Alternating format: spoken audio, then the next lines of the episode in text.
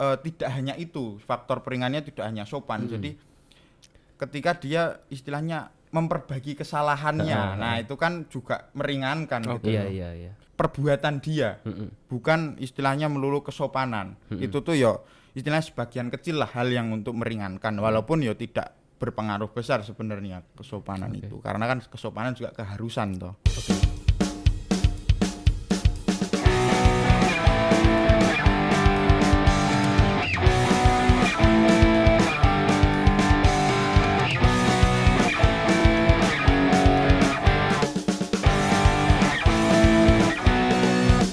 Assalamualaikum warahmatullahi wabarakatuh. Waalaikumsalam warahmatullahi wabarakatuh. Kembali lagi di Potlow Podcast Law Podcastnya Lembaga Eksekutif Mahasiswa Fakultas Hukum Universitas Islam Indonesia. Gimana kabarnya teman-teman semua? Setelah lama kita agak lama kita nggak upload episode Potlow, kali ini kita menyapa lagi buat para pendengar dan juga penonton Potlow kali ini yang semoga kalian setia mendengarkan podcast ini ya. Nah, di episode kali ini kita akan sedikit membahas sebuah kasus yang kemarin sempat viral tentunya. Tapi kita akan membahas dari segi yang berbeda, sudut pandang yang berbeda, enggak enggak mainstream lah istilahnya. Dan mungkin juga menjawab dari beberapa eh, umum ya pertanyaan netizen umum. Kenapa kok gini? Kenapa kok gini? Nah, kita akan coba diskusikan di sini. Kita enggak lebih enggak bukan mau mutusi istilahnya kalau boso Jawa ki waton mutusi enggak, tapi kita mencoba mendiskusikan karena ini juga apa ya kita sebagai mahasiswa juga apa ya istilahnya dalam ring- ring- lingkup, Lingkup kita, kita. untuk bisa mendiskusikan kasus-kasus itu untuk mengasah keilmuan-keilmuan kita. Nah, dalam kasus ini kita akan mencoba membahas kasusnya Gaga Muhammad di mana dia mm, mel- eh, apa ya mengalami musibah kecelakaan yang berakibat cukup fatal meninggalnya satu orang di dalam kecelakaan itu tersebut yaitu Mbak Laura. Kami mengucapkan bela sungkawa dan semoga tetap diberikan tempat yang terbaik di sisinya. Oke. Nah, nah mungkin aku akan coba eh, apa menjelaskan kronologi kasus secara umum, secara umum aja ya. Kita kan banyak versi nih, banyak versi, tapi mungkin secara umumnya kayak gini. Eh, mereka itu dikabarkan setelah pulang dari ya semacam minum-minuman keras gitu. Mereka pulang, kemudian menyetir lewat tol Jagorawi di KM 10 itulah terjadi kecelakaan yang em, menyebabkan meninggalnya saudari Laura it- anak tersebut. Nah, katanya kalau Oh, bentar Mas. Eh, kecelakaannya tuh bukan menyebabkan meninggal tapi terjadi luka berat. Oh terjadi luka berat. Oh iya iya ini ini koreksi ya. Iya. ini. Terjadi luka Luka, berat iya. yaitu sampai akhirnya lumpuh. Iya, nah betul. kalau dari keterangannya dia terjadi ke- kecelakaan itu karena dia merasa kelelahan karena dia Heeh, dari jam 10 dia bangun 10 pagi sampai akhirnya terjadi kecelakaan itu dia belum eh, tidur lagi gitu. oke. Jadi dia merasa kelelahan dan dia itu katanya kaget gitu. Dia sempat kelelahan, sempat mengantuk, kemudian pas dia bangun dia kaget di depannya ada truk sampai akhirnya dia banting setir ke kanan dan mobilnya terbalik gitu. Hmm, oke. Menurut pengakuannya. Nah, eh, sebenarnya kalau eh, dia mengakunya itu kan yang di highlight itu kan karena dia kelelahannya itu ya. Hmm. Tapi di balik itu sebenarnya kalau di- ditemukan dalam fakta persidangannya itu dia mengkonsumsi juga alkohol Hmm, 2 oke. sampai 3 gelas gitu minuman beralkohol ya, yaitu minuman Gelasnya- keras ya. eh. Gelasnya segini Mas. Ya, kalau gelasnya segini ya pantas gitu loh. Kita nggak tahu ya Oke. seberapa. Nah, tapi menurut aku itu juga menjadi salah satu faktor mungkin Hmm. pertimbangan hakim ya kenapa menjadi seperti itu. Nah, mm, sampai pada akhirnya divonis dengan pasal 310 ayat 3 Undang-Undang Lalu Lintas dan Angkutan Jalan di mana itu maksimal penjara lima tahun dan denda itu 10 juta ya 10 Hmm, juta. nah ini banyak banget nih netizen teman-teman juga yang menanyakan kok cuman segitu? Gitu loh. Kok cuman segitu? Kenapa? Apakah ada permainan di balik Hmm. itu? Nah kita akan mencoba mendiskusikan itu. Kita enggak mendiskusikan sifatnya yang masih sifat gosip ya Iya. yang latar belakangnya mereka itu kenapa kenapa hubungannya kita enggak tapi kita akan mendiskusikan litigasinya ke pengadilannya dari mulai penyidikan penuntutan sampai akhirnya keluar putusan dalam pengadilan tersebut. Kita akan coba analisis apakah menurut kita itu sesuai keilmuan atau emang ada hal-hal yang janggal yang sebenarnya Oke. perlu dikaji? Dan juga ini buat pengetahuan teman-teman semua. Nah, kalau dari Mas Rifki sendiri ini kan dari CLD ya. Iya. Kita mendatangkan narasumber CLD yang kita akan bahas. Mungkin dikenalin sebelum kita masuk ke topik pembahasan yang diskusi mungkin bisa dikenalin sedikit CLD itu Ya, apa dan oke. Mas Rifki itu siapa gitu. Oke, perkenalkan teman-teman semua pendengar, penonton Potlau ini. Eh, namaku Rifki Alfian Wicaksono. Eh, kebetulan aku diamanahi teman-teman dari CLD FAUI ini untuk menjadi ketua umum yang Oke, baru. Terus eh, CLD ini apa sih? Nah, CLD ini tuh eh, study club. Jadi eh, kelompok belajar yang memang eh, isinya itu teman-teman yang mempunyai minat, Iya. mempunyai istilahnya kesukaan lah Mm-mm. di lingkup hukum pidana. Jadi di sana kita istilahnya ngobrol-ngobrol, saling diskusi untuk sharing ilmu lah terkait hukum pidana. Mm-mm. gitu. Nah, berarti ini sering mendiskusikan kasus-kasus Iya. yang happening ya. Nah, meski meski eh, mungkin kita akan berbincang nanti ya tentang kasus yang kemarin ini karena saya saya mesti beranggapan kalau mereka itu udah lebih dulu mendiskusikan gitu pasti loh. itu. Dan secara keilmuan mereka mendiskusikannya lebih matang gitu. Nah, Beda dengan kita eh, ya. kita sebagai podcaster kan memancing gitu, Iya. memancing agar apa ya? Eh, pengetahuan-pengetahuan yang mereka punya juga ditransferkan Dituangkan, kepada iya. masyarakat umum atau teman-teman yang mendengarkan ini sebagai juga bentuk tambahan ilmu lah Hmm. gitu. Nah dari kasus ini sendiri kan empat setengah tahun dengan undang-undang lalu lintas dan angkutan jalan. Hmm. Mungkin pertanyaan pertama kalau dari aku itu kenapa undang-undang lalu lintas angkutan jalan? Kenapa yang dikenakan undang-undang itu? Kenapa enggak KUHP gitu loh? Di mana KUHP itu mesti kan orang lebih kalau hukumannya lebih tinggi dirasa mesti lebih adil gitu ya. Nah, ya. Dia. Nah, kenapa kalau di KUHP kan tujuh tahun ke atas itu mesti kalau pembunuhan itu. Iya. Nah, kenapa nggak pakai itu dan kenapa pakai undang-undang Lalu lintas. lalu lintas dan angkutan jalan itu? Oke, em, kalau kenapa kok eh, jaksa penuntut umum itu kemudian pakai UU LLAJ? Nah, kita kan dulu mungkin di pengantar ilmu hukum atau pengantar hukum Indonesia itu Iya, kan pernah ah. belajar kan, ada asas yang namanya lex specialis derogat legi generali. Generalis. Nah, itu kan jadi eh, hukum yang khusus itu mengesampingkan hukum yang umum. Heeh. Nah, di KUHP itu kan masih hukum istilahnya kitab undang-undang hukum pidana yang masih umum. Masih jadi umum.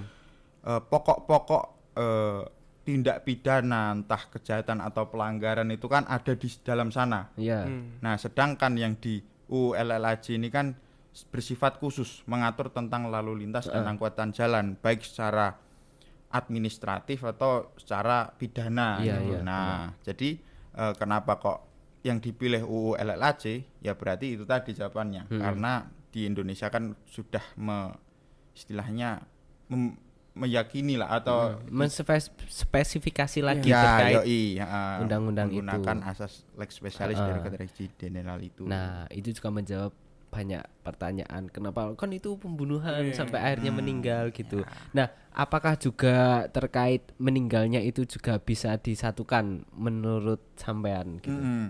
Nah, kalau terkait meninggal itu kan sebenarnya eh, di dalam undang-undang LLAJ ini kan ayat 3-nya menyebabkan luka berat. Mm-mm.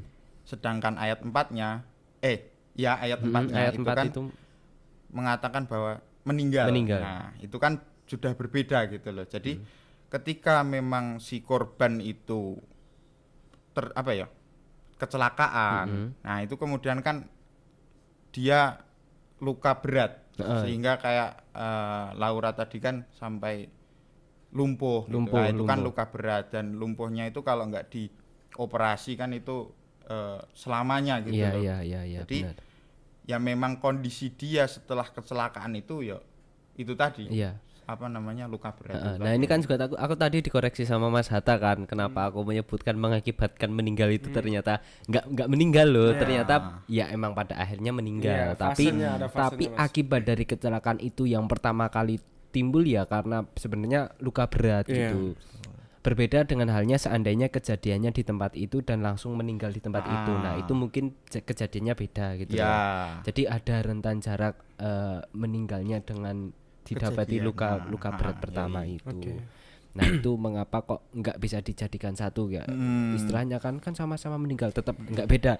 Tetap nggak bisa kayak gitu dalam ilmu hukum yang kita pelajari semuanya itu spesifikasi dan nggak bisa digeneralisir gitu ya. Ada ada poin-poinnya masing-masing. Hmm.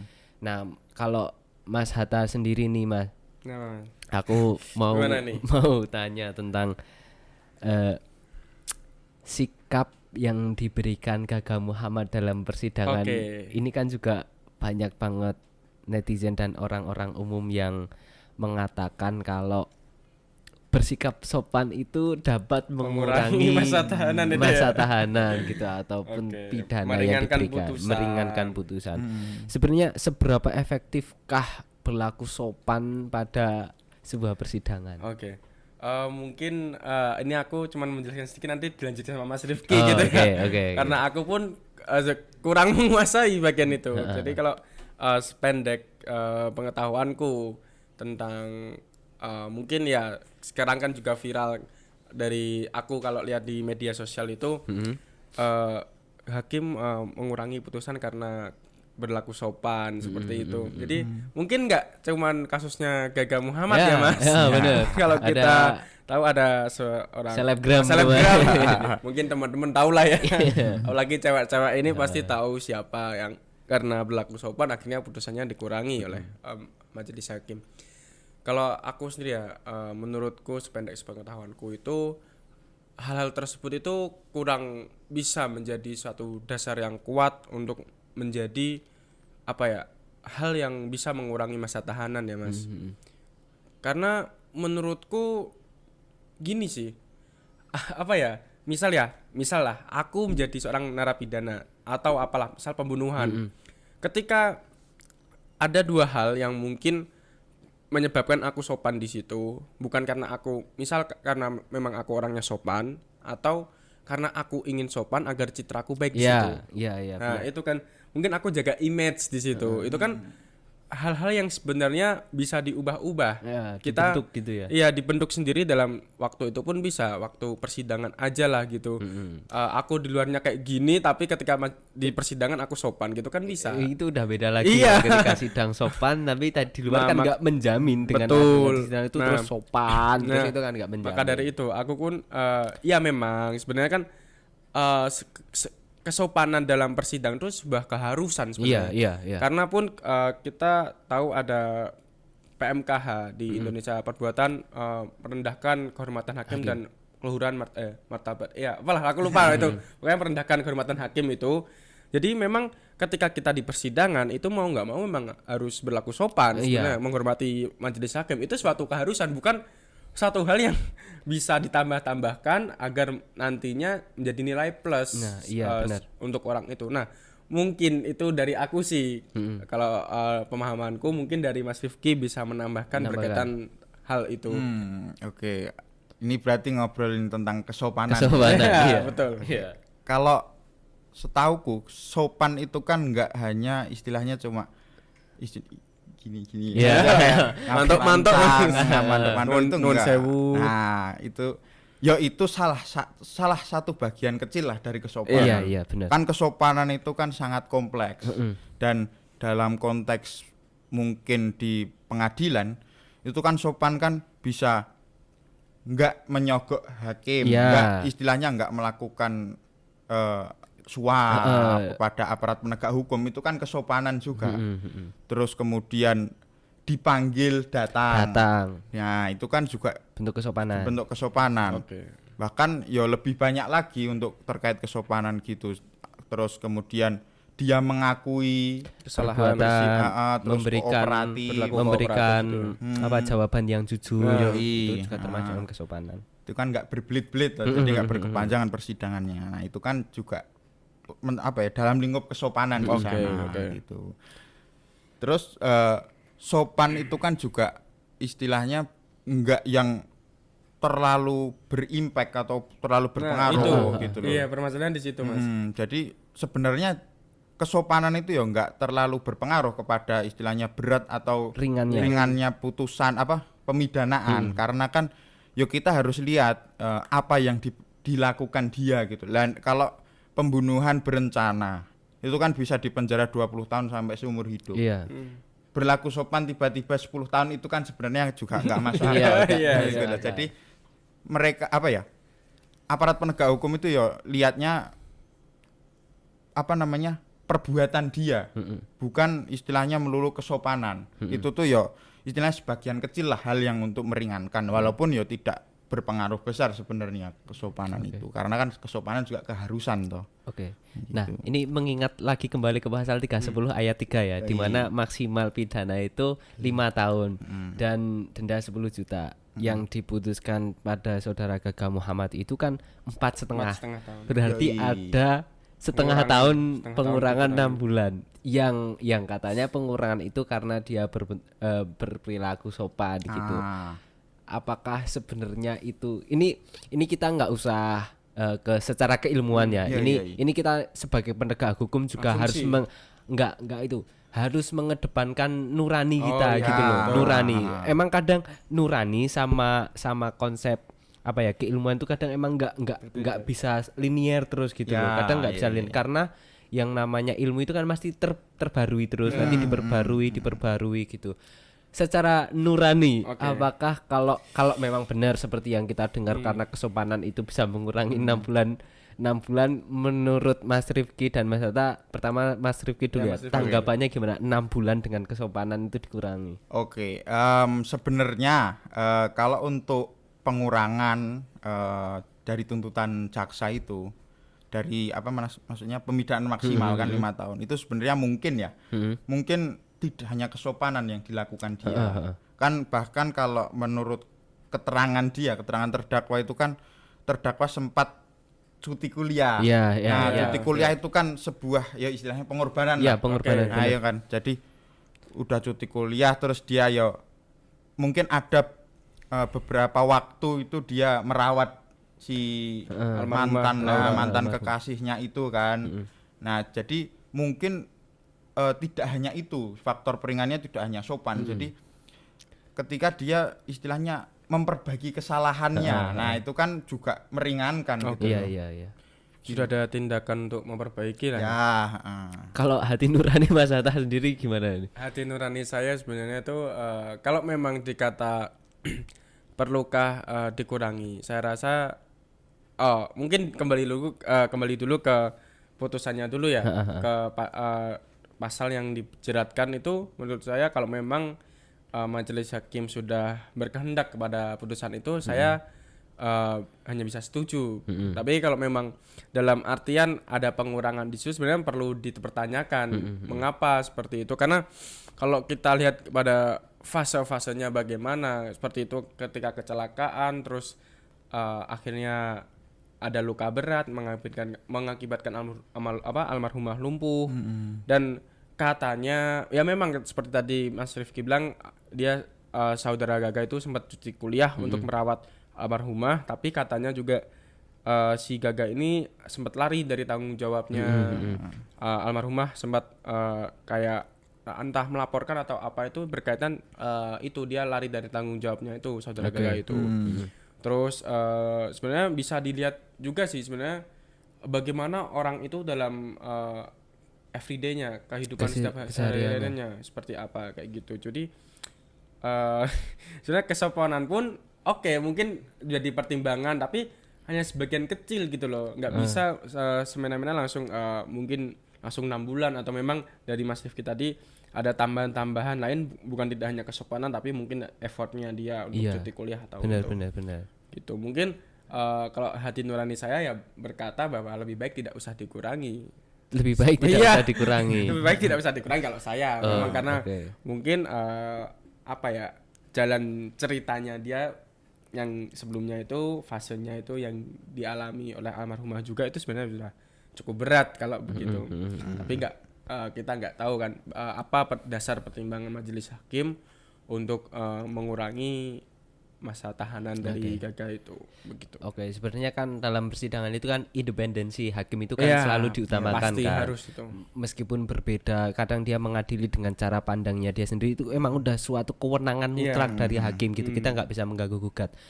Terkait pengurangan enam bulan atau mungkin berapa bulan terkait kasus-kasus yang serupa ya itu kita kembali lagi itu salah satu bentuk penghormatan kita terhadap sebuah apa ya keadilan gitu loh. Iya. ya kita hormati aja. Tapi emang kalau itu di luar nalar ya mungkin perlu dikawal lagi perlu dikaji lagi secara bersama. Nah mungkin aku mau menggaris menggaris besari tentang tadi kesopanan. Kalau ternyata tuh kesopanan itu nggak cuman berkaitan sama perilaku gitu loh. Iya. ternyata segala hal yang menunjukkan dalam persidangan itu berjalan dengan lancar, berjalan dengan baik, tidak berbelit-belit itu juga sebuah dalam masuk kesopanan. Di Iya, mana betul. Kesopanan itu masuk dalam satu apa ya op- hmm, kalau aku bilang salah satu bentuk penghormatan terhadap eh, persidangan di mana semua orang itu wajib menghormati Iya. menghormati persidangan itu kan nilainya kan sangat tinggi gitu loh di di itu. Nah jadi eh, setelah kita mendiskusikan kesimpulan yang bisa aku tarik ini bahwasanya kenapa nggak pakai undang-undang KUHP terkait kelalaian yang menyebabkan kematian ya karena itu kita udah mempunyai undang-undang yang lebih spesifik. Sehingga undang-undang yang general itu dikesampingkan dan memang harus seperti itu gitu loh. Karena kita udah membuat rumusan delik yang lebih spesifik terkait itu.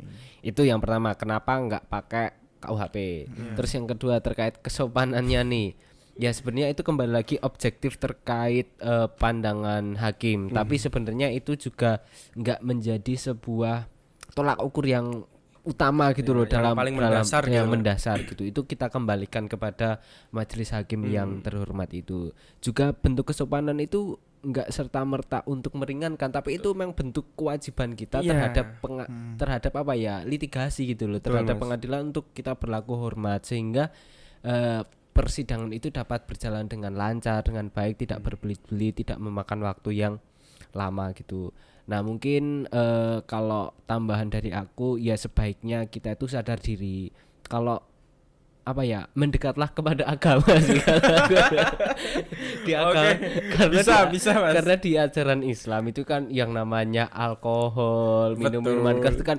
haram al haram gitu loh. Betul, betul, jadi ya ya udahlah ya nggak usah di nggak usah nggak usah dicari-cari celahnya. Betul, kan buat ini buat ini nggak usah. Nek emang haram ya wes berhenti haram gitu loh. Betul, nggak betul. usah dideketin. Karena kalau dideketin ya kayak gini kan akibatnya gitu loh.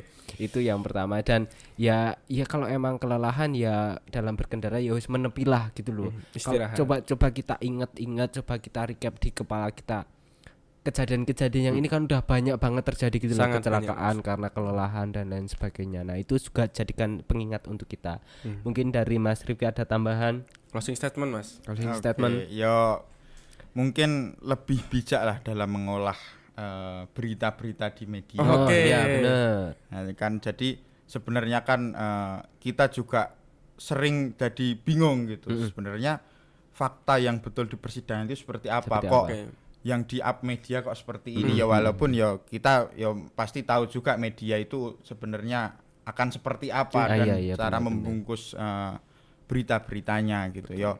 Bijak dalam eh, memahami terus diolah dan ya mungkin teman-teman juga bisa ngulik dulu lah paling enggak ya kan? Jadi sebenarnya ini masuk enggak sih? Masuk logika enggak sih kalau misal sopan terus ya dikuranginya banyak? Nah itu kan perlu banyak mungkin Baca- gini sebenarnya faktor yang kalau dalam eh, format surat dakwaan itu kan terakhir kan ada yang meringankan gitu loh. Iya. hal-hal yang yang meringankan dalam putusan Di surat tuntutan. di surat tuntutan. Ah, surat tuntutan surat itu kan ada eh, frasa yang yang meringankan Ah. gitu nah sebenarnya nggak cuman kesopanan mungkin ada Yoi. beberapa banyak tapi yang di up di media yang bagian Ah, itu gitu loh hmm. yang karena itu ya laku buat Ya. pasar pasarnya media Iya, itu ya, nah betul. kita juga lebih bijak.